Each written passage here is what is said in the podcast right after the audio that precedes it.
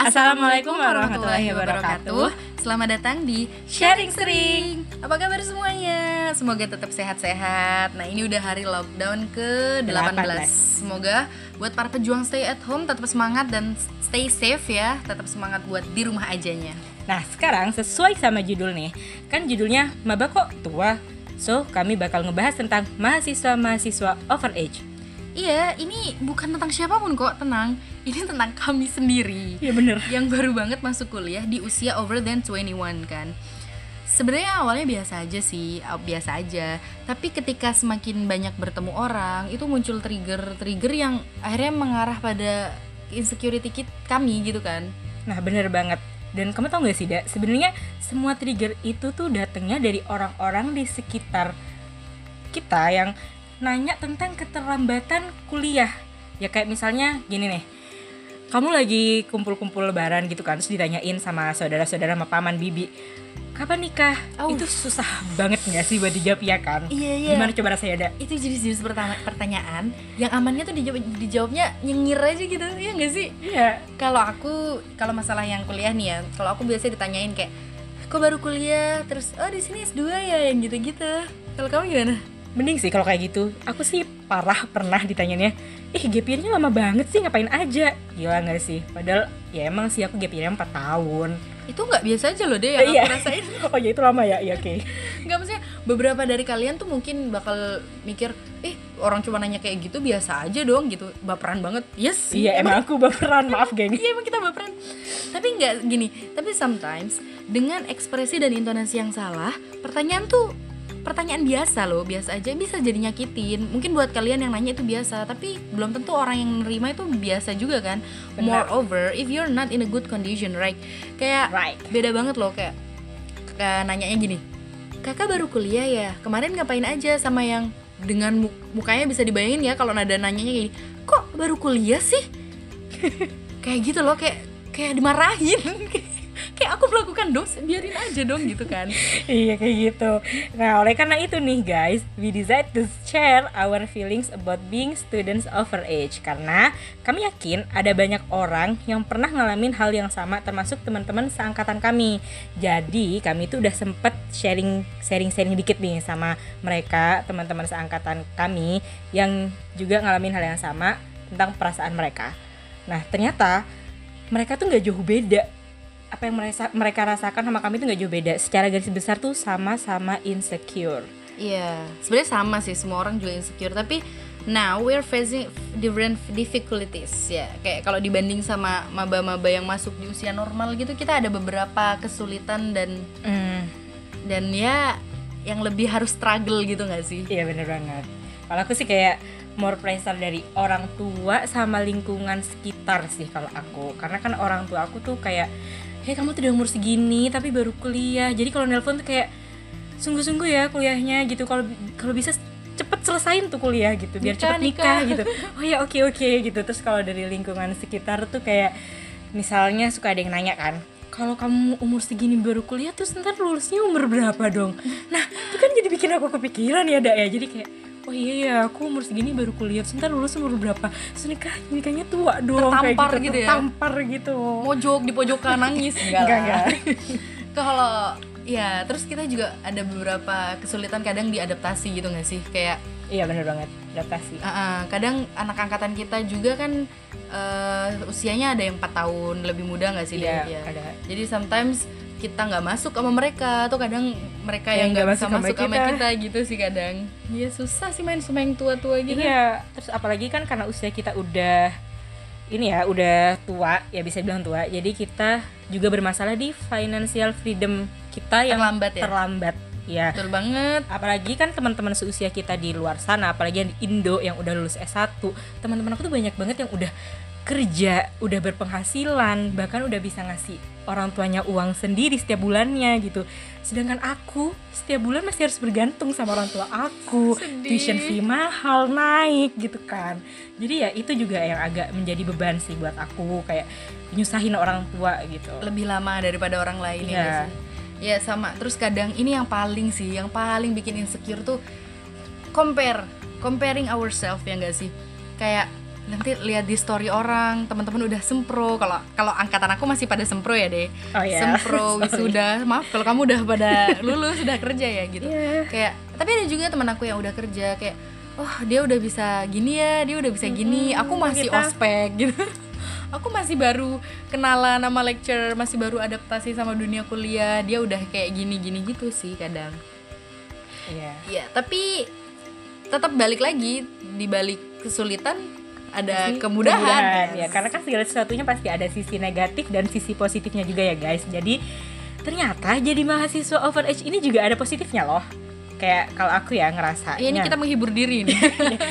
Enggak, ini serius, ini beneran ada sisi positifnya. Bener-bener. Jadi kalau yang aku aku ambil sih sisi positif dari jadi mahasiswa overage ini adalah dari time management. ah, bener-bener bener. Karena kita ini udah tua, jadi kita ini akan cenderung memanfaatkan waktu itu lebih baik. Kayak misalnya eh, kita juga bisa lebih tahu mana yang prioritas antara hangout atau belajar. Ah, ya bener-bener. Dan mahasiswa-mahasiswa overage itu kalau yang aku perhatiin kit- eh, cenderung lebih, ambisius. Ah, ah, ah. Karena kita udah oh udah tua nih, aku harus cepet-cepet lulus. Jadi aku lebih seri harus lebih serius dari yang lain.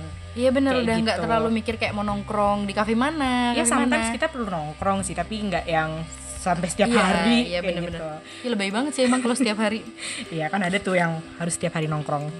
Terus Kalau aku sih aku ngerasa positifnya di ini lebih independen aku ngerasa dalam sosial tuh kita lebih wise gitu kayak setelah baru kuliah di umur segini aku lebih oke aja buat ke mana-mana sendiri kayak makan sendiri Oh, nggak bergantung sendiri. gitu ah, ya? benar nggak harus kayak bergerombol nggak harus terlihat bawa dengan teman untuk orang-orang tuh ngeliat oh aku punya temen loh dengan kayak ke mana-mana harus sama temen gitu loh ya enggak sih apa emang aku nggak punya temen deh Hmm. Enggak, lah. enggak, aku juga kayak gitu kok. Iya, jadi kayak lebih santai aja ngadepin apa ngerjain ini sendiri, nggak ngapain itu sendiri. Jadi nggak nggak bergantung sama teman banget, nggak kayak zaman SMA gitu kan. Iya. Ke kantin jalan sendiri udah hina gitu. Kayak udah nggak punya temen gitu Iya, ya. bener-bener. Padahal mah enggak, sebenarnya kita punya temen kok. Cuma ya emang kita Emang temennya nggak ngakuin kita aja enggak lah. enggak. Terus Tapi kalau jomblo emang ya. Apa sih? Terus ini sih kelebihannya juga di financial management. Betul banget. Cenderung lebih hemat enggak sih mahasiswa overage ini? Iya, alhamdulillah. Ya, ya itu ada kaitannya lagi dengan financial freedom tadi. Nah, Karena kita nggak menyusahin orang tua, so kita Iya, karena kita merasa sudah sangat lama membebani orang tua, jadi kayak lebih ngatur, lebih hemat. Jadi aku pernah ada yang nanya di Instagram berapa sih biaya makan sehari di sini? Normalnya 15 ringgit sampai 20 ringgit sih itu kalau mau makan enak ya. Tapi Enak. kamu berapa biasanya sehari deh? Aku sih nggak pernah sampai 10 ringgit serius guys. Iya, sama pernah. aku juga kayak 10 ringgit aja itu kayak wah hari ini udah 10 ringgit, banget. besok harus 5 aja. Malah kalau nasi. bisa tuh beli nasi doang. Tapi sekarang harga nasi juga udah naik ya, udah nggak satu Iya. ringgit. Jadi kayak kalau bisa nasi doang, lauknya dari yang dibawain sama orang tua dari Indo gitu kan. Iya. Untuk menghemat. dan kebanyakan yang aku lihat teman-teman kita yang seumuran kayak kita ini mereka udah pada udah pada nyari kerja Iya, bener banget. udah berusaha cari uang sendiri Mm-mm. kayak gitu Gimana caranya buat ngebantu orang tua dan mungkin ya menabung juga untuk masa depan. nah iya bener nah sebenarnya nggak terlalu banyak ya itu itu beberapa yang bisa kita share sebenarnya kalau masalah insecurity Allah semua orang juga insecure iya iya kita paham sebenarnya memang masalah insecurity ini bisa menimpa siapa aja ya Ya, Ada- semua orang pasti iya. punya insecurity. semua orang nah tapi aku inget kata temen temen kita ya deh eh, insecurity itu manusiawi semua semua orang pasti akan merasakan inse- insecurity ya belepetan banget tapi balik lagi gimana cara kita nggak handle itu? Balik lagi apa kita bisa pede nggak? Apa kita bisa bersyukur lagi nggak? Kayak gitu. Insecure tuh boleh boleh banget itu manusiawi. Tapi inget jangan lama-lama karena produktivitas kita terganggu.